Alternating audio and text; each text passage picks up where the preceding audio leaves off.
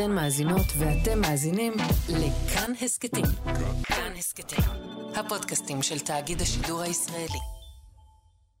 כאן, כאן תרבות. בואו נניח לרגע את הספר ונקשיב. עכשיו, מה שכרוך. כאן תרבות.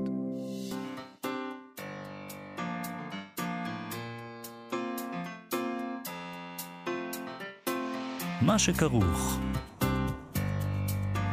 עם יובל אביבי ומה יעשה לה.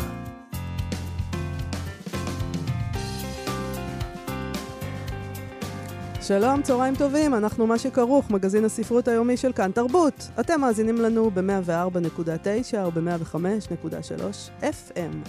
אפשר גם להאזין לנו כהסכת באתר, באפליקציה של כאן ובכל יישומוני הסכתים. איתי אשת הוא המפיק שלנו על הביצוע הטכני היום, ארז שלום בכבודו ובעצמו, כבוד גדול. שלום לכם, שלום יובל אביבי. עליי את לא אומרת כבוד גדול? לא, ארז שלום זה לא, לא כל יום. טוב. הוא, הוא לי את כבוד גדול, הטכני. לי כבוד גדול שאת פה, מה יעשה לה, תודה שלום מה רבה לך. תודה, תודה. נדבר היום קצת על טורקיה. כן, טורקיה, זה כן. אקטואליה. האקטואליה קשה. מהמם. נעשה את זה אה, עם אה, אבנר וישניצר, היסטוריון של האימפריה העות'מאנית באוניברסיטת תל אביב. אני תמיד הייתי אומר העות'מאנית. אנחנו נשאל אותו למה הוא קורא לזה אוסמנית. אה. אל- למה טעינו כל הזמן הזה? כן, וממש כאילו זה, זה דבר ידוע, האימפריה העות'מאנית. מהמם. טוב, בסדר, אולי לא. הוא כתב עכשיו ספר חדש שנקרא סדר חדש. ספר חדש בשם סדר חדש, זה לא קל לי. אה, זה מקולל, הספר הזה מגולל קנוניה אפלה באיסטנבול של 1807, וזה בהחלט אה, אפל ומפותל כמו שזה נשמע. ספר פרוזה, צריך לומר. כן, ספר על אף פרוזה. שהוא היסטוריון, אבל נכון. זה פרוזה. זה פרוזה, מהמם. זה, ויש שם כמה דמויות ככה ב... במ- ב... ב... ב... ב... איך קוראים לזה? במאחורי הקלעים של השלטון, בכל מיני, אה, יש שם כל מיני אה, בילוש וריגול ותככים. זה ספר מאוד יפה. נכון. הוא כותב נפלא. נכון. אתה, אבל- שואל, אתה, טועה, אתה יכול לתהות, מה אתה יושב שם באקדמיה, כן. ההיסטוריון? למה אתה לא כותב ספרים יותר? אולי אה, המודל העסקי. המודל העסקי. המודל העסקי של האקדמיה יותר. מוצלח. כן. אבל נשאל אותו גם על זה, אולי הוא רוצה, אולי זה לעתיד שלו. אה, נדבר גם עם גיא בן נון, שהוא מנכ"ל אתר עברית, זה אתר, אתר של הספרים הדיגיטליים. אה, שם פצחו בפרויקט של סיפורים קצרים, אבל לא סתם פצחו בפרויקט של סיפורים קצרים, הם יפיצו אותם במסגרת יצירה עברית, שזה בעצם הוצאה לאור, דיגיטלית וקולית. פותחים הוצאה לאור באתר עברית. נדבר איתו על זה.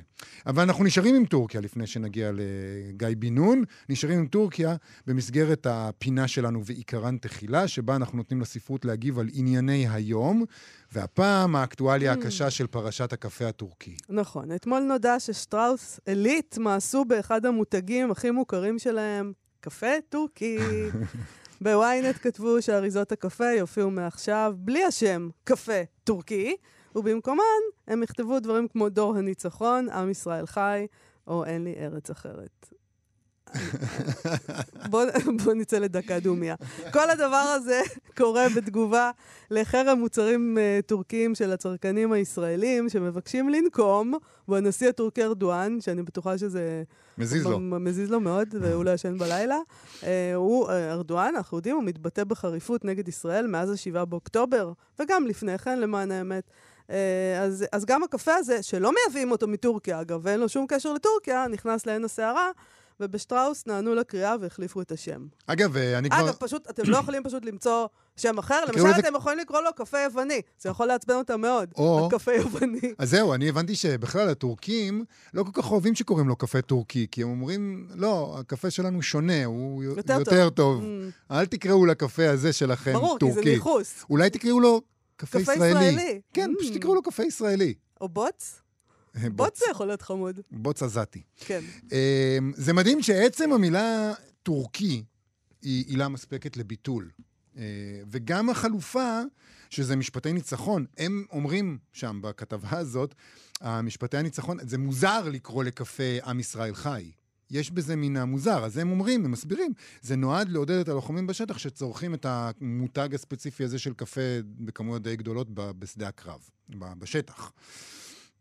אבל זה בעיקר, זה נראה כמו מהלך מאוד פרוגרסיבי, ואנחנו עכשיו הרי שונאים את הפרוגרסיבים, אנחנו לא בצד שלהם. זה כאילו מהלך שטחי שמטפל בסוגיות חשובות ברמה של השפה, ושל השמות, ושל המילים, ומסתפק בזה. וזה הכל רק סיסמאות. וגם פרוגרסיבי בגלל שהוא חושב שביטול זה הפתרון. אין שום דבר, שום דבר פרוגרסיבי? במהלך הזה. אבל כלום. הכל. אפילו לא, אפילו לא אה, גרגר של פרוגרסיביות. זה אה, בסך הכל נשמע לי כמו מהלך יחצני, גאוני. הנה, אפילו אנחנו בתוכנית הספרות, ענינת הטעם שלנו, מה זה ענינת גבוהת טעם? המצח שלנו, אנחנו מדברים עכשיו על הקפה הטורקי. אני, אגב, ממשיך לקרוא לזה קפה טורקי. ברור. אוקיי, או שחור, כמו שאני... מותר, אסור, מותר להגיד שחור? אסור. אה, אה, אני קוראת לזה שחור, אני מצטערת. אני לא יודע. זה אני פרו- אמשיך לקרוא לזה קפה זה שחור. בעייתי פרוגרסיבית מכיוון אחר. אני יודעת, אני מבינה את זה. אם כי, אם כי.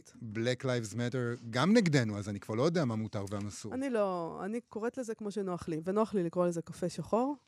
אה, אבל בואו נראה מה יש לספרות להגיד על כל העסק הזה. אנחנו נקרא מתוך פתיחת הרומן איסטנבול, איסטנבול של בורן סונמז, שיצא בהוצאת מודן, בסדרה לספרות יפה, בתרגום של רמי סהרי, שיודע את, כל השפות. השפות. אני לא את ראיתי כל דבר השפות. כזה.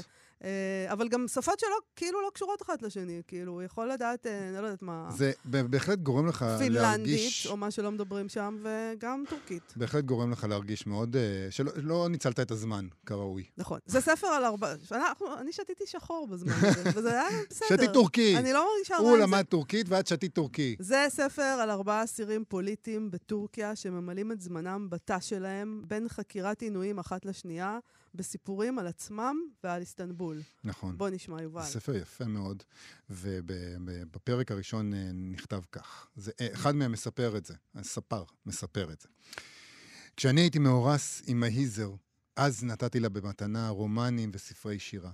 המורה שלנו לספר... המורה שלנו לספרות בתיכון תמיד אמר, כל אדם יש לו שפה משלו. יש אנשים שתבינו אותם בפרח, ויש כאלה שתבינו אותם בספר. מהיזר גזרה בדים בבית, תפרה שמלות, ופה ושם כתבה על פתקים קטנים כל מיני שירים, והייתה שולחת את האח שלה להביא לי אותם.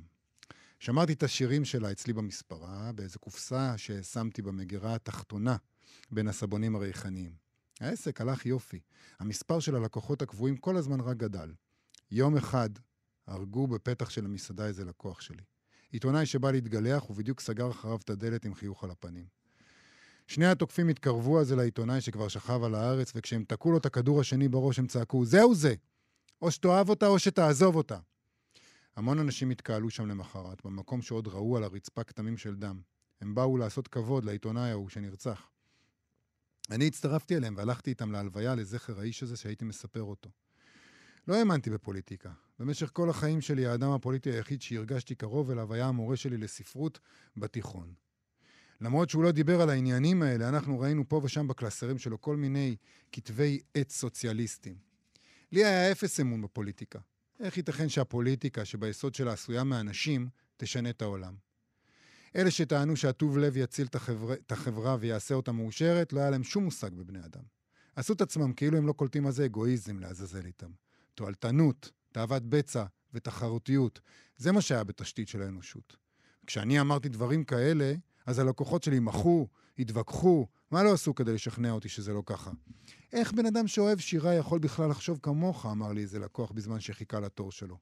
הוא ניגש לראי וקרא בקול רם כמה שירים מתוך פרחי הרוע שתקעתי שם. נראה שהאלימות לא תיעלם. שמענו על אלה שנרצחו בשכונות שלידינו. פעם לקוח צעיר שלי התפרץ למספרה מזועזע וביקש שאני אסתיר את הנשק שלו לפני שהשוטרים יתפסו אותו. גם אם פה ושם עזרתי לכמה אנשים, אני לא שמתי קצוץ לפוליטיקה. לחסוך כסף כדי לקנות בית, להיות אבא ולבלות את הלילות שלי לצד מייזר, זה היה החיים היחידים שאני האמנתי בהם. יפה מאוד. איך בן אדם שאוהב שירה יכול בכלל לחשוב כמוך? נהפוך הוא. אם אתה אוהב שירה ומבין שירה, אתה מבין את כל הדברים האלה פשוט. זה נכון. אנחנו מה שכרוך בכאן תרבות. בתחילת השנה שבה נולד עלי, חזה האסטרולוג הראשי בחצר הסולטן ניצחונות גדולים על הכופרים הרוסים ויבול טוב של חיטה ושעורה. עלי לא נכלל בתחזיות. תינוקות מסוגו לא נזכרים בלוחות השנה שמרכיב האסטרולוג הראשי, אבל סג'דה הייתה משוכנעת שגם לבנה יש גורל, וכשהיה בן חודש וחצי לקחה אותו לדוכן של פואד האסטרולוג ליד מסגד הסקי סולטן. פואד אפנדי ישב שם עם ספריו, שיכור לעיתים קרובות, וערך הורוסקופים על פי דרישה. לא עצמו כתבו הכוכבים שמומחיותו תיוודע למרחוק והוא יעלה מעלה-מעלה, עד לחצר הסולטן.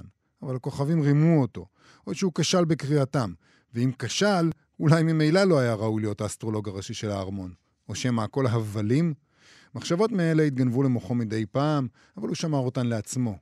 כל אחד צריך להתפרנס ממשהו.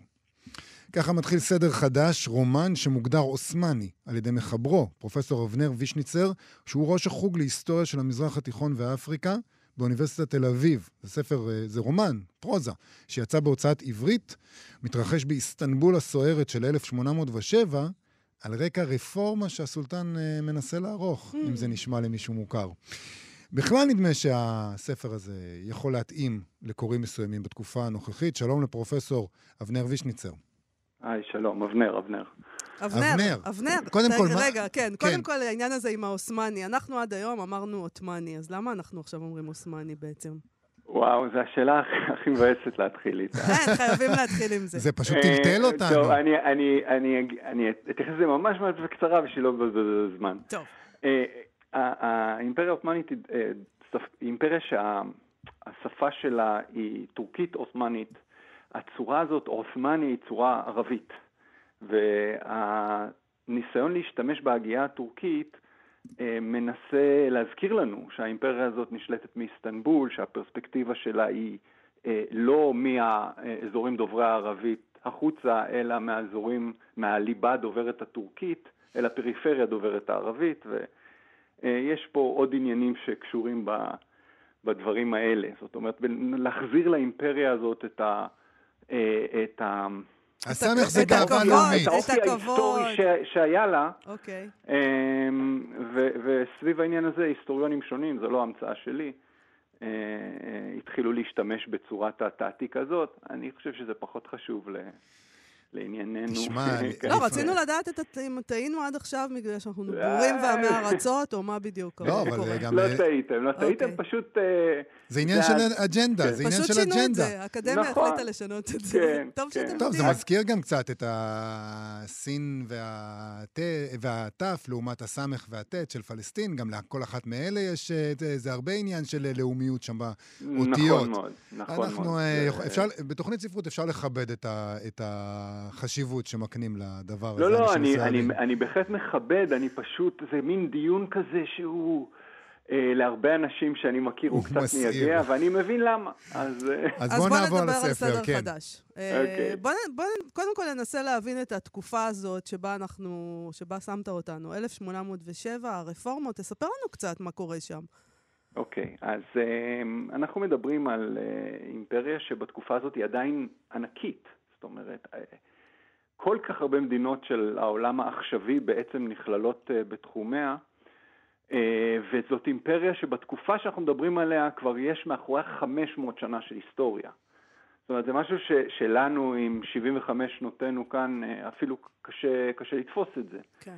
ויחד עם זאת, היא נחלשת, ובתחילת המאה ה-19 זה כבר ברור. זאת אומרת, היריבים האירופים שלה חוטפים, חוטפים שטחים, ועל הרקע הזה הקברניטים של האימפריה הזאת, אה, יש סולטן צעיר שעולה על כס השלטון ב-1789, בדיוק אותה שנה של המהפכה הצרפתית, ושמו סלים השלישי, והוא אה, אה, אה, נחוש לערוך רפורמות אה, שיאפשרו לו אה, שליטה הרבה יותר טובה במה שקורה בתחומי האימפריה. אה, זה רפורמות שעיקרן ריכוז, ריכוז של הכוח בידי הסולטן אחרי שהיה מבוזר בידי כל מיני גורמים. הדבר הזה, אה, שוב, יש כאלה שזה עלול להזכיר להם כל מיני דברים אה, עכשוויים, הדבר הזה אבל מעורר התנגדות עצומה של כל אותם גורמים שנהנים מהסדר הקיים בניגוד לסדר החדש. הרפורמות האלה, כן, נקראות כבר באותה תקופה, נקראות רפורמות הסדר החדש. במסגרתן למשל מוקם צבא חדש. אמ, והצבא ועלי, הישן, צבא היניצ'רים מאוד מאוד לא אוהב את זה. שעלי שייך לצבא, לאנשי הצבא האלה. האלה. עלי שייך לאנשי הצבא הישן, כן. שמאוד מאוד מאוימים על ידי הרפורמות האלה. כי הם מבינים שהם הולכים לאבד את, את מטה לחמם, ויחד עם קבוצות אחרות, הם, הם ככה שותפים לתסיסה הזאת, ש, שהיא הרקע המיידי לסיפור שמתרחש ב-1807, הסיפור של תסיסה וקנוניה, שאותו עלי נשאב אליה שלא בטובתו, לא מרצונו, אבל הוא הופך למין כלי בתוך משחק הרבה הרבה יותר גדול. זה משחק הרבה יותר גדול גם, אפילו יותר מזה, זאת אומרת, יש פה הרבה פוליטיקות פנים-אוסמניות נגיד, אבל מצד שני גם, צריך להגיד, כל הדבר הזה מתרחש בזמן שכוחות בינלאומיים מתרגשים גם כן, יש להם מלחמה נגד רוסיה, כמו שכתוב כבר בשורות הפתיחה, וגם מעורבות של צרפת ובריטניה שמנסים נכון, למנוע. נכון, רק כן... להזכיר, רק להזכיר, זו התקופה של המלחמות הנפוליוניות, והצרפתים בברית עם העות'מאנים נגד הרוסים וה... והאנגלים, וכן, כל אירופה כמרקחה, והעות'מאנים הם חלק מה, מהמציאות הזאת, והפוליטיקה הזאת באמת מתבטאת גם בתוך האימפריה העות'מאנית. אז יש כאלה אה, בכירים שהם כאלה פרו-אנגלים, ויש כאלה שהם פרו-צרפתים, והסולטן מנסה לתמרן בין אה, כוחות אה, מתנגשים, וכל הדבר הזה זה, זה, זה מין אה, סיר שמבעבע, ובסופו של דבר רותח וגולש. אז זה היה ככה הקונטקסט ההיסטורי שבתוכו מה גרם לך, אבנר, לכתוב את הספר הזה? כשזה, כשזה תחום העיסוק שלך באקדמיה בעצם, ובכל זאת אתה צריך לכתוב ספר פרוזה, שבו אתה מקים עם דמויות, אנשים, אתה מקים עולם בעצם. למה היית צריך את זה? א', כי אני כותב כבר הרבה שנים, וזה משהו שאני אוהב לעשות, ותמיד רציתי... רציתי לכתוב רומן, אמ, נראה לי אתגר מעניין, לפני שנה הוצאתי ספר ילדים, אה, די יחסית ספר ילדים, די ארוך, וככה אמרתי, טוב, השלב הבא ש... אמ, באמת שאני אוציא את אותו רומן שלקח לי הרבה שנים לכתוב, משהו כמו ארבע שנים. אמ, וזה קשור גם בעניין שלי בדמיון, אני גם, גם אקדמית עכשיו עוסק בדמיון, בהיסטוריה של דמיון ואיך חברות מבנות דמיון, אז כמובן שאני עוסק ספציפית בחברה העות'מאנית, והיה לי גם רצון לבחון את זה מהכיוון של, של כפרקטישנר, כמישהו שטווה עלילות דמיוניות ולא רק חושב על איך עלילות כאלה נטוות. זאת אומרת, אז, אז, אז עשיתי את זה. זה גם קשור בתרגילים שאני נותן לסטודנטים, סטודנטיות, ל, ל, אני נותן להם מסמך היסטורי, כן, מקור היסטורי, טקסט נגיד מהתקופה הזאת, ובמקום לנתח אותו, כמו שאנחנו בדרך כלל עושים במסגרת לימודי היסטוריה, אני אומר להם, בואו תכתבו התחלה של סיפור. Mm-hmm. אז זה אומר אבל שאתה הזה, בעצם רוצה לראות האנשים, במקום לראות את המבט הזה של היסטוריון מלמעלה, אתה להפך, אתה נכנס פנימה, זום אין, נכון, אתה רוצה ואני, לראות ואני, את הבריות. בדיוק, בדיוק. ו- וכשאני מבקש מסטודנטים, נגיד, לכתוב התחלה של סיפור על סמך מסמך היסטורי, כן? הדבר הזה, אה, א', מחייב גם אותם, גם אותי, להפעיל את הדמיון ולנסות לראות אה, את המציאות של התקופה, והמציאות של התקופה זה יכול להיות אה, שאלות שהן מאוד קשורות בחיי יומיום. ההיסטוריונים עוסקים המון בשאלות האלה, ברגשות, ב, בשגרת יומיום, בתפיסות עולם. ב, אמ, אז הדמיון, ההפעלה של הדמיון מעלה גם שאלות היסטוריות, כן? כי ברגע שאת מנסה להבין, רגע, איך, איך נראה הבית, כן? איך, איך, מה היו סידורי הלינה, אה, מה אכלו, מה שתו, למי הייתה גישה לאור, כן? לנרות וכן mm-hmm. הלאה, ולמי שאין אז מה הוא יכול לעשות אחרי שהשמש שוקעת, ואיך זה קשור לש... אה, לקריאה וכן, פרקטיקות של קריאה, מי בכלל יכול לקרוא אחרי, אה, אחרי שיורד הערב, כל מיני שאלות שבדרך כלל בכלל לא מתעוררות אם לא לומדים קצת להפעיל את הדמיון. אז דמיון זה אולי לא, אה, לא מתכון טוב לתשובות לשאלות היסטוריות, אבל בשביל להעלות את השאלות האלה מלכתחילה, זה כלי מאוד מאוד חשוב. הם אוהבים את זה, הסטודנטים, שאתה מכריח אותם במקום להיות היסטוריונים להיות פרוזאיקנים? יש כאלה, יש כאלה שאוהבים, יש כאלה שאבודים, אבודים, אבודים לגמרי. אה, הם מחפשים איזה, איזה עוגן, אבל איך אני בכלל אה, יכולה, איך אני יכול, מאיפה אני מתחיל בכלל? אמ, אבל, אבל אחרי, עם קצת, עם קצת תמיכה, הם, הם לפעמים מגיעים ל... ל לדברים מאוד מעניינים, ו- ולפעמים נולדים מזה גם עבודות מחקר אחרי זה, כי פתאום עולים על איזו שאלה שלא הבחנו בה. עכשיו אפשר לחפש מקורות ולענות על זה בכלים אה, יותר סטנדרטיים של, של אה, היסטוריונים. ועד כמה המחקר שלך נכנס לתוך, ה... לתוך הפרוזה שלך? עד כמה הוא מופיע מולנו? כי... אה, הרבה מאוד. אה, הספר הזה, אה, הרומן נולד מכל מיני דברים שעשיתי ב-15 שנים האחרונות, אבל, או קצת יותר, אבל במיוחד מהספר האחרון האקדמי המחקרי שהוצאתי, שעסק בהיסטוריה של לילה. זאת אומרת, איך שעות החשיכה מעצבות אה, תהליכים היסטוריים. אה, ספציפית עסקתי בדיוק בתקופה הזאת שבה מתרחש הרומן. אה, וככה התחלתי בדמיוני להסתובב בכל, בין כל אותם אה, מסבעות אה, ובתי קפה. שבהם ו... הוא שותה את הרקי שלו, וזה בדיוק, ספר כן. של קנוניה, I... מתרחש הרבה פעמים באפלה של הלילה או באפלה של לפנות בוקר. נכון, וזה היסטורי. כלומר, ניסיתי להישאר מאוד מאוד נאמן למציאות ההיסטורית אה, כפי, ש... כפי שאני מכיר אותה מהשנים של המחקר, וזה עד לרמת ה... מאיזה חומר עשוי, עשויה המקטרת שמעשנת אסמה, אותה נסיכה עות'מאנית. מאיזה אה, חומר עשויה המקטרת? עץ דובדבן. כמובן, איזו שאלה.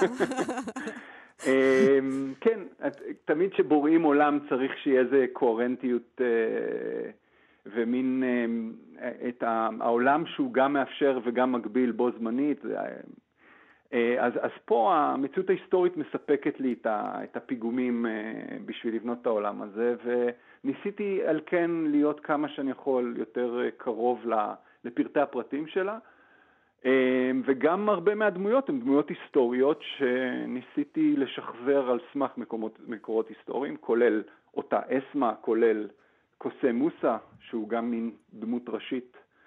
אה, עלי הוא, הוא פיקטיבי לחלוטין, הוא, הוא לא אמיתי. אבל uh, צריך להגיד, uh, כמו שדיברת מקודם, על המתח הזה בין, ה, uh, בין האינדיבידואלים שנמצאים בתקופה היסטורית לבין, ה, לבין באמת המארג ההיסטורי שאפשר לראות מסביבם, דרכם, צריך להגיד שגם הוא דמות שמתפתחת. זאת אומרת, במובן מסוים, כן, זה ספר היסטורי, זה ספר על תקופה היסטורית, אבל זה גם ספר עליו, דווקא על הדמות הבדיונית ועל המהלך שהוא עושה. ועל מה קורה לו, ההתחלה של הספר הוא נמצא במקום לא כל כך טוב, ולאט לאט הוא, נקרא לזה, מתקדם. אה, כן, אני, אומרת... אני הייתי קורא לזה משתחרר. אה, משתחרר. משתחרר מהצבא. אה, זה המהלך שהוא עובר, כמו שאני מבין אותו, בין היתר. הוא, הוא, המהלך של העלילה, נקרא לזה בעולם, התנועה שלו בעולם האמיתי, היא מקבילה לתנועה פנימית שהוא עובר אה, ואם להשתמש במונחים הסופיים, שהם המונחים שאני מנסה להשתמש בהם אה, לאורך הספר, זה תנועה מן החוץ, מן הדהר, כמו שזה נקרא בערבית או בטורקית, אל הפנים, אל הבטין, אל, ה, אל, אל ההוויה הפנימית של האדם, ועלי שהדחיק אה, וברח מ, ברח מאיסטנבול וברח מכל מיני דברים אחרים שהוא לא רצה להתמודד איתם, ברח ממש עד לקצווי האימפריה, עושה מין מהלך הפוך של חזרה הדרגתית אמ, אל משהו מאוד מאוד מודחק, מאוד עמוק, מאוד קבור, מאוד נסתר מעיניו בהתחלה. אה, ובעזרת אה, סאלח, שהוא עוד איזה דמות, אה, מצליח לחזור ולהתחבר לחלקים שהחייל שבו כמעט, אפשר להגיד, כמעט הצליח לרצוח. אני רוצה לשאול אותך, אבנר, אנחנו פתחנו היום את התוכנית עם הסיפור הזה של הקפה הטורקי, שבשטראוס עילית החליטו להחליף לו את כן. השם. אה, אז כמומחה לאוסמן, אני רוצה לשאול אותך על הדבר הזה, ובכלל על השאיפה של אה, מדינות מסוימות, עכשיו אנחנו רואים, זה לא עבר, להיות אימפריות. כן. זה הדבר היותר רציני. עדיין, בעצם, אה, המלחמות, גם אלה שפה, זה בין אימפריות והשאיפה להיות אימפריה. זה נכון מה שאמרתי עכשיו? אתה גם רואה את זה כן, ככה? כן, אני חושב ש... בוודאי, השאיפה הזאת לגדולה, אני חושב שהיא אה, אה, היא, היא, היא all around us, את יודעת, כל אחד, אה, לא כל אחד, אבל יש אנשים שמנסים אה, לכבוש כמה שיותר ב, באמצעים פוליטיים, אה, ורותמים ל, ל, ל, לעניין הזה מדינות וצבאות, ויש כאלה שמקימים אה, אה, אימפריות כלכליות, כסף לעולם לא יספיק, תמיד צריך עוד ועוד, איזה מין אגרנות, אגרנות שאין לה, שאין לה, לה גבול. אמ, אני חושב על האגדה על ג'ינגיס חאן בספר הנפלא, היום אינו קלה. Mm-hmm. יש שם מין אגדה כזאת על, על ג'ינגיס חאן שהוא כובש עוד ועוד ועוד ועוד, ובסוף העולם לא מספיק, כי בסוף זה איזשהו ניסיון להתמודד עם, ה, עם החידלון שלנו, אני חושב. עם העובדה שאנחנו פה ועוד רגע אנחנו כבר לא, כמו שסאלח, שמייצג קוטב הפוך של, של איזה מין הכרה סופית כזאת בחידלון הזה. אה, אז הוא, הוא, הוא, הוא מייצג את הדבר הזה, אבל, אבל אנחנו מוקפים באנשים ש, שזה לא מספיק להם, ושהם לא מסוגלים, לדעתי, כן, להתמודד עם העובדה שעוד רגע הם לא יהיו פה, כולנו לא נהיה פה. אז הם מקימים פירמידות וגורדי שחקים, ו, אמ, או בעולם שלי אולי כותבים מאמרים בלי הכרה, כאילו, כאילו שזה יעמוד לנו, כאילו ש... מול הזמן, כן. כן, אבל לא. לא. אבק ברוח.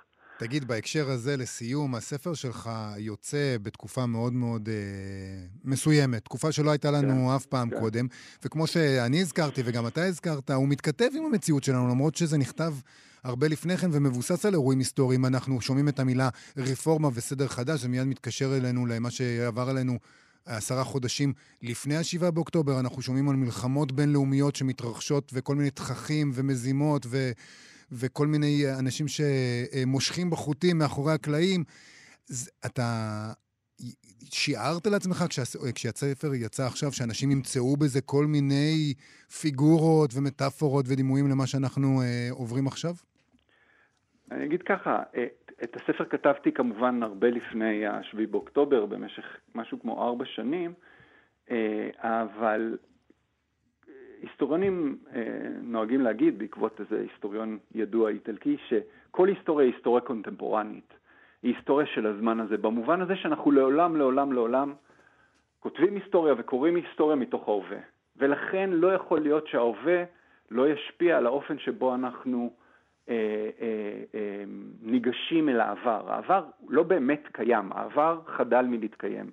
שרידים שלו מתקיימים בהווה, ואנחנו ניגשים לשרידים האלה עם כל מה שיש לנו בראש באותו הזמן, בדיוק כמו ספרות, כן? כל אחד מביא אל אה, דוסטויבסקי משהו קצת אחר, כן? אותו דבר עם, עם, עם היסטוריה, ולכן היה לי ברור שכשהתחילה כל ההפיכה אה, המשטרית ו, וכל הדבר הזה, היה לי ברור שאנשים יקראו אה, אל תוך העלילה משהו מהעניין הזה, וכמובן שעכשיו המלחמה ש, שכבשה את, את כולנו, אה, ברור ש, שכל מיני היבטים שעוסקים במלחמה בתוך הספר אה, יהדהדו אחרת, אה, בגלל מה, ש, מה שעובר עלינו בחודשים האחרונים. אז כן, במובן הזה זה, היסטוריה היא תמיד רלוונטית והיא מאפשרת לנו לחשוב על ההווה מאיזה מין, דרך איזה מין מר, מראה קצת קצת אה, מרוחקת, קצת אחרת. ויחד עם זאת יש, אני מקווה, אני מקווה שיש בספר לא רק הרהור, אלא גם אה, איזשהו, אה, איזשהו סיכוי, סיכוי לחמלה ורוך בתוך מציאות אה, שהיא קשה. הייתה קשה ב-1807 והיא קשה גם היום. כן, אז לא, לא מפסיקים. אה, סדר חדש, רומן אוסמני, רק תגיד לנו איפה אפשר להשיג אותו, הבנתי שהוא עוד לא בחנויות. הוא עוד לא בחנויות, כרגע אפשר uh, לקנות uh, גרסה דיגיטלית. בעברית. Uh, בעברית, mm-hmm. ובאמצע ינואר הוא יהיה בחנויות. יפה מאוד. עברית האתר, והוא גם יצא בהוצאת עברית. נכון, זה מבלבל מאוד. נכון. אז להפך, זה זה קל, תזכרו רק דבר אוקיי, אחד. סדר חדש, רומן אוסמני, אבנר וישניצר. תודה רבה לך על השיחה הזאת. תודה לכם, תודה. להתראות. אנחנו מה שכרוך בכאן תרבות, חזרנו. אתר עברית מוכר לנו בעיקר כמקום הזה שבו אנחנו קונים ספרים דיגיטליים. אבל הם, הם מתרחבים כל הזמן לעוד מקומות, למשל לספרים קוליים שהם התחילו להוציא, ועכשיו הוצאת ספרים. הוצאת ספרים דיגיטלית וקולית, שבמסגרתה, בין היתר, גם התחילו לפרסם באתר סיפורים קצרים. אז רצינו לברר קצת מה, מה, מה הם מעוללים, על, על מה ולמה. שלום למנכ"ל, גיא בן נון. אהלן מאיה, מה נשמע? בסדר, גיא. אה, מה, מה, אתם, אה, מה אתם מתכננים שם? מה פתאום אתה פותח הוצאת ספרים? זהו, תשמעי, האמת היא שהסיפור של אה, יצירה עברית, אה, גם, גם בכלל יצירה עברית בישראל וגם יצירה עברית, השם של ההוצאה שלנו, קצת ככה בשנים האחרונות קיבל, קיבל תפנית אחר בעולם המו"לות, ויש הרבה מאוד ספרים שיוצאים בתשלום מלא, כשכאילו הכיוון הוא בעיקר על בוא נעזור לך להוציא את הספר שלך, אבל בעיקר מה שמעניין אותנו זה כמה נקבל בשביל להוציא את הספר. אני לא אומר את זה ברע, אני חושב שהמצב הוא לא פשוט ויש המון המון ספרים שיוצאים, אבל זה מורכב. ואז אנחנו באנו בגישה קצת אחרת, אמרנו אנחנו נבחר אומנם בפינצטה את מי שיוציא את הספר שלו אצלנו, גם אם הוא עדיין לא סופר מוכר, אבל ניתן לו הזדמנות אה, בלי לפשוט את היד או את הרגל אה, להוציא את הספר שלו, והמודל הוא בעיקרון מודל יותר דיגיטלי וקולי. זהו, זה דיגיטלי, אנחנו לא מדפיסים אה, ספרים. שזה מוזיל עליות. אנחנו כן קודם כל אנחנו כן מדפיסים, ואנחנו גם מוכרים ספרים מודפסים באתר שלנו, מה שבפתיח שלך לא ציינת, אנחנו מוכרים גם מודפסים אצלנו, וגם אפשר להדפיס את זה בחוץ, אבל אחת ה... אחד העניינים שיש פה בשנים האחרונות, שמדפיסים יחסית המון ספרים כדי להופיע בכל רחבי ישראל, כן. מוכרים מה שמצליחים למכור, ואז המחסנים מתמלאים בספרים. נכון. אז אנחנו באנו בגישה שהיא הרבה יותר דיגיטלית, יש גם מהדורה מודפסת שהיא יוצאת במשורה, היא תהיה בעצם דיגיטלית מודפסת, והרעיון הוא בעצם אה, שאתה מסוגל, אה, אם צריך, מדפיסים עוד ועוד, אבל לא, לא לרוץ בבת אחת ולא לייקר מאוד את העלויות. שבסוף גורסים את זה, אתה יודע, בסוף שנה. חלק מהספרים נכון, נגרסים. נכון, אנחנו משתדלים שלא. אבל הסיפור העוד יותר מעניין זה שגם אנחנו מנסים לקחת את היצירה העברית, לכן קראנו גם להוצאה ככה, וללוות את הסופר בעצם, לנסות ללכת איתו יחד לעולמות הטלוויזיה. אנחנו בשיתופי פעולה עם כל מיני חברות הפקה שהן מחפשות תכנים מעניינים. Mm. אז אנחנו לא מתחייבים שאנחנו נצליח, אבל לפחות... אם אנחנו מחתימים אה, חוזה סופר על דבר כזה, לפחות נלך איתו יד ביד עם סינופסיס וננסה להוציא אה, גם פעילות טלוויזיונית, והנדבך הנוסף זה בעצם לקחת את זה אולי גם לחו"ל, אבל במתכונת קצת שונה, אלא לבוא ולעשות אה, שיתופי פעולה עם, עם גופים שתואמים של עברית בכל מיני מדינות, ולנסות לשווק את הספר גם שם בחו"ל. רגע, אז, אז אתם, אתם לא מתכננים לקחת תשלום מהסופרים שלכם בכלל? אנחנו כן מתכננים לקחת, תשלום יחסית מועט מאוד. כמה? באופן... זה לא, לא לדיון, זה תלוי בספר. גיא, בחייך, נו, בערך. זרוק לנו מחיר. זרוק מחירים. אני כן, כן אשים אה, את המספרים שרצים היום בשוק הם באזור מגיעים ל-60, 70, 80 אלף שקל, אנחנו מדברים על אזור 10,000 עד 20 אלף שקל, שמקבלים אוקיי. בהם הכל, כולל גם ספר קולי. שזה יחסית נחשב להמון... אה, אני חושב שהבשורה שהיא עוד יותר מעניינת, שגם אנחנו פלטפורמת מכירה. ואנחנו גם יכולים לעודד ולקדם את המכירה של הדבר הזה. אז זה נהיה ביזנס לגמרי. פשוט כל מי שרוצה יכול לבוא, אתה תוציא לו ספר, הוא ישלם 20 אלף שקל. אה, לא, ממש לא. זה, זה התקרה ולא הרצפה, וגם לא, לא כל אחד. אנחנו רוצים לבחור בפינצטה, מה שמעניין אותנו. מי בוחר? מה שמאמין שאני יכול למכור. אנחנו, יש לנו פה מערכת ויש לנו פה לקטורים חיצוניים שעושים את כל העבודה. ובעצם הרעיון הוא לבחור בפינצטה את מה שאנחנו חושבים שאנחנו מסוגלים בעצמנו למכור, וזה גם כן שינוי. Mm. זאת אומרת, לא רק להוציא את הספר, אלא גם לבוא ולהגיד, אני מחויב למכירות, ולכן גם אני מושקע בעלויות של, של ההפקה של הספר. זה לא קצת יסבך אתכם עם כל ההוצאות האחרות, שיגידו, היי, הלו, למה אתם מקדמים את הספרים שאתם מוציאים? בזמן שלנו יש את כל הספרים הנהדרים שגם נמצאים אצלכם בקטלוג.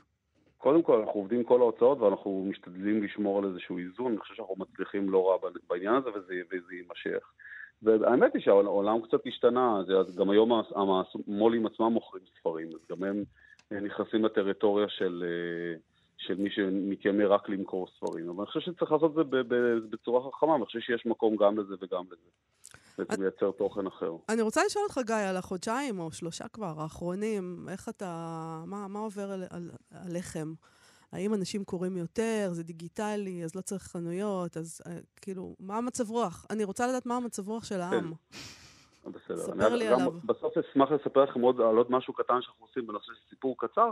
מה, ש, מה שקורה בימים האלה זה שהימים הראשונים היו הלם טוטאלי, כן. אה, והמכירות באמת ירדו, אני חושב שהקשב ירד. ואני חושב שככל שאנשים ישבו מול המסכים ו... וחיפשו גם אסקפיזם, אז הם חזרו לעולם הספר, ודווקא היתרונות של האונליין היו משמעותיים במובן הזה שהכל נגיש. נכון. וזמין. ו... וראינו שכאילו אחרי השבועיים הראשונים כבר היה איזשהו פיצוי, גם עשינו הרבה מאוד פרויקטים של נתינה ו... וחינם וכאלה כדי להביא אנשים שיחפשו קצת מקום לברוח אלינו. היה שינוי גם בתכנים? זאת אומרת, פתאום ספרים אחרים? אנחנו, קראתי באיזשהו מקום שכולם רוצים לקרוא עכשיו את האדם מחפש משמעות, ושהוא נמכר אה, פתאום אה, נורא יפה, שזה אפשר להבין מדוע, אבל אה, היה איזה שינוי בתכנים שפתאום קנו אצלכם?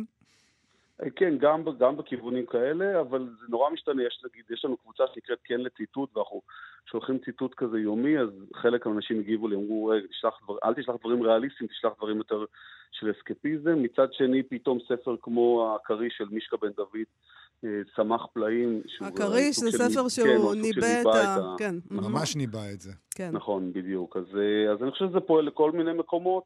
וכמובן שהתחום הרומנטי, שהוא תחום מאוד חזק, ממשיך לשגשג. חושב שזה גם סוג של בריחה. אוקיי, okay, אז בואו לסיום אה, נחזור לסיפורים הקצרים קצת. אני רוצה לשאול אותך, סיפורים קצרים, אתה מדגיש את זה? זאת אומרת, לא אם אני אבוא עם רומן מחר ואני ארצה להוציא, תגיד לי לא. סיפורים קצרים. נכון, זה, זה בעצם נדבך נוסף שגם עשינו קול קורא ל, ל, לציבור הסופרים בישראל, וזה בא גם מכיוון הסופרים וגם מכיוון, ה, אה, וגם מכיוון הלקוחות עצמם. כן דיברנו על מה שקורה בזמן האחרון, יש אה, הפרעות קשב וירידה בריכוז, אנחנו כן מרגישים את זה, ובעצם עברית, בשונה ממו"ל שחייב לכרוך ספר שלם של, גם של אסופת סיפורים קצרים, יכולה אה, לשווק או להציע ללקוחות אה, שלנו סיפורים של 4-5 דקות, 7 דקות, גם בקולי, גם בדיגיטלי, ואנחנו בעצם עשינו גם קול קורא לסופרים, להגיד להם, את הספרים שלכם אתם מוציאים בהוצאות הרלוונטיות וזה מצוין, אבל אם אתם רוצים לכתוב סיפור קצר, אתם יכולים להנגיש אותו דרכנו לציבור, לציבור הקוראים, ולציבור אנחנו אומרים, יש מקום אה, לקרוא סיפורים קצרים. ו- וכאילו לא, לא להיות מחויב עכשיו לספר של 300 עמודים. זאת אומרת, סיפור אחד, אני יכולה יכול לקנות סיפור אחד? בדיוק. אה. את תוכלי לקנות סיפור אחד, זה יעלה במהלך חודש ינואר, ממש מתחם שלם של הדבר הזה. נחמד, כמה עולה סיפור קצר אה, אחד? בסביבות חמישה שקלים. nice. הוא יהיה גם בקולי, גם בדיגיטלי. כן, כן, ממש כזה. והרעיון הוא באמת גם לתמוך ביצירה וגם לייצר עוד תוכן. וגם להגיע לקהלים שאומרים, רגע, אני, קשה לי להתחייב עכשיו למשהו מאוד מאוד... רגע, אתה, אבל אני חייבת להיכנס לזה, אני מצטערת. אני יודעת שזה מאוד לא נהוג, אבל אני חייבת. הסופר מקבל תמלוג? כן.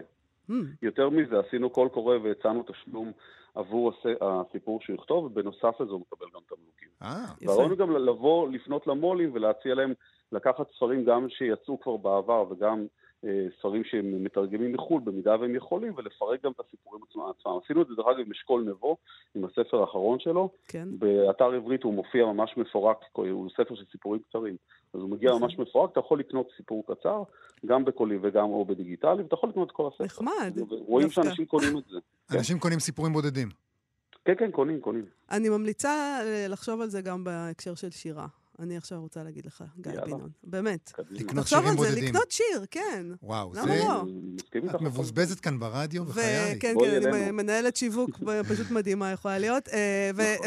ואם המשורר גם יקרא את השיר שהוא כתב, יש כמה משוררים שיש להם יכולת אדירה לעשות את הדבר הזה, ותראה איזה הצלחה אדירה זה יהיה, אני אקבל עשר אגורות לכל הודעה. תגיד, מי, אמרת ששלחתם קול קורא של סיפורים קצרים, מי כבר נענה? אה, טל ניצל שלחה לנו סיפור, אה, יונתן דשליט שלח, אה, מעיין רוגל שלחה, ועוד ועוד. טוב, אז אנחנו נחכה, אנחנו נחכה שזה יופיע. בינתיים נגיד לך תודה רבה על השיחה הזאת, ובהצלחה עם ההוצאה החדשה. גיא בן נון, מנכ"ל אתר עברית. תודה. תודה רבה. תודה, תודה. תתראות. אנחנו, מה שכרוך בכאן תרבות. הגרדיאן הבריטי מפרסם חידון ספרותי חביב, שלפחות על שאלה אחת בו, כל חובב ספרות ישראלי מיועד, מיודע יוכל לענות. זה חידון שמבקש להתאים בין סופרים וסופרות לחיות המחמד שלהם. הרוב שם כל מיני חתולים וכלבים, אבל יש גם אה, כמה חיות מחמד יותר נדירות. נכון, למשל מוצגת שם תמונה של זוג תוכים ירוקים. מתברר שהם אחים, והקוראים מתבקשים להכריע האם הם שייכים לאלן מקדונלד, חוקרת טבע שכתבה את הספר Age is Hawk. לנינה סטיבה, שכתבה ממואר על ימיה כמטפלת בילדים במרכז הספרותי השוקק של לונדון, או אולי זה שייך למקס פורטר, שאנחנו מכירים אותו מהספר אבל זה הדבר עם הנוצות. ספר טוב מאוד, נכון. אני ממליצה עליו. התשובה היא הלן מקדונלד, כמובן. לא יודעת אם כמובן, אבל זאת התשובה. לא, איך זה יכול להיות מישהו אחר? עוד uh, חיות מחמד מעניינות שם, uh, חבורת חיפושיות. רובן קטנות וצבעוניות מבריקות כאלה, אחת גדולה מאוד, uh, מאוד, יחסית לחיפושית, ושחורה מאוד, ששמה בקסטר, והן שייכות ל-MG ליאונרד, שהיא סופרת ילדים חביבה. טוב, יש שם עוד שאלה. למי שייך הארנב הלבן הנזו, שמתואר שם כחביב ועדין מוזה? ויש שם תמונה שלו בסמוך לתזאורוס העברי מילה במילה. אה, האם הוא שייך לשרה פרי או אנטוני ג'וזף, או שמא לאדגר קרת? נו. ברצינות. אבל למה הם חייבים להרוס? אז אדגר קרת, זה זאת כמובן התשובה, והוא מספר על הארנב שלו הרבה, מה, הרבה מאוד. זה הרס כאילו, כי יש שם אה, ספר בעברית? כן, נו, ברצינות. תנו לנו לחשוב רגע. תנו לחשוב לבד. לא, אבל נדמה לי שהארנב של אדגר קרת הוא דמות מוכרת מאוד אה, בקרב אה, חובבי הספרות הישראלים, לא? היינו יודעים את זה גם אם לא היה שם מילה במילה. אבל זה פורסם בגרדיאן. זה נכון. אוקיי. אז הם גם לא אז מזהים... יכול להיות שבגרדיאן... הם- בגרדיאן גם לא מזהים עברית, הם אולי. יודעים לראות אותיות הם יודעים לראות... ולהגיד, זה, עברית? זה עברית, כן. אנחנו בכל זאת עם הספר. היינו פה קודם, הם יודעים. הם יודעים אפילו שהיינו פה קודם? יש, אה, תמונ... אה, יש אה, מות- אה, את ה... אורים ותומים. אורים ותומים על ה... זה. תעשה לי טובה, הם לא יודעים לזהות עברית. בסדר גמור. אנחנו שילכו היינו... לבית לי- ספר. כן, היינו לפניכם פה. נכון. זהו. ואדגר קרת היה פה לפניכם, הוא מתואר שם כמי שמוכר בזכות סיפוריו הקצרים המסחררים, ורומנים גרפיים, וגם בזכות הכתיבה שלו לטלוויזיה וקולנוע. אז הארנב הנזו נשאר, אה, הוא על המפה, והוא נשאר על המפה, ואנחנו עם הדבר הזה ואנחנו הולכים, מסיימים. יורדים שנייה מהמפה, אבל אנחנו נחזור למפה מחר. Uh, תודה רבה לאיתי אשת ולארז שלום שהיו איתנו, ובזכותם כל הדבר הטוב הזה מתאפשר. Uh, להתראות מחר. להתראות. אתן מאזינות ואתם מאזינים לכאן הסכתים. כאן הסכתים, הפודקאסטים של תאגיד השידור הישראלי. אתם מאזינים לכאן הסכתים, הפודקאסטים של תאגיד השידור הישראלי.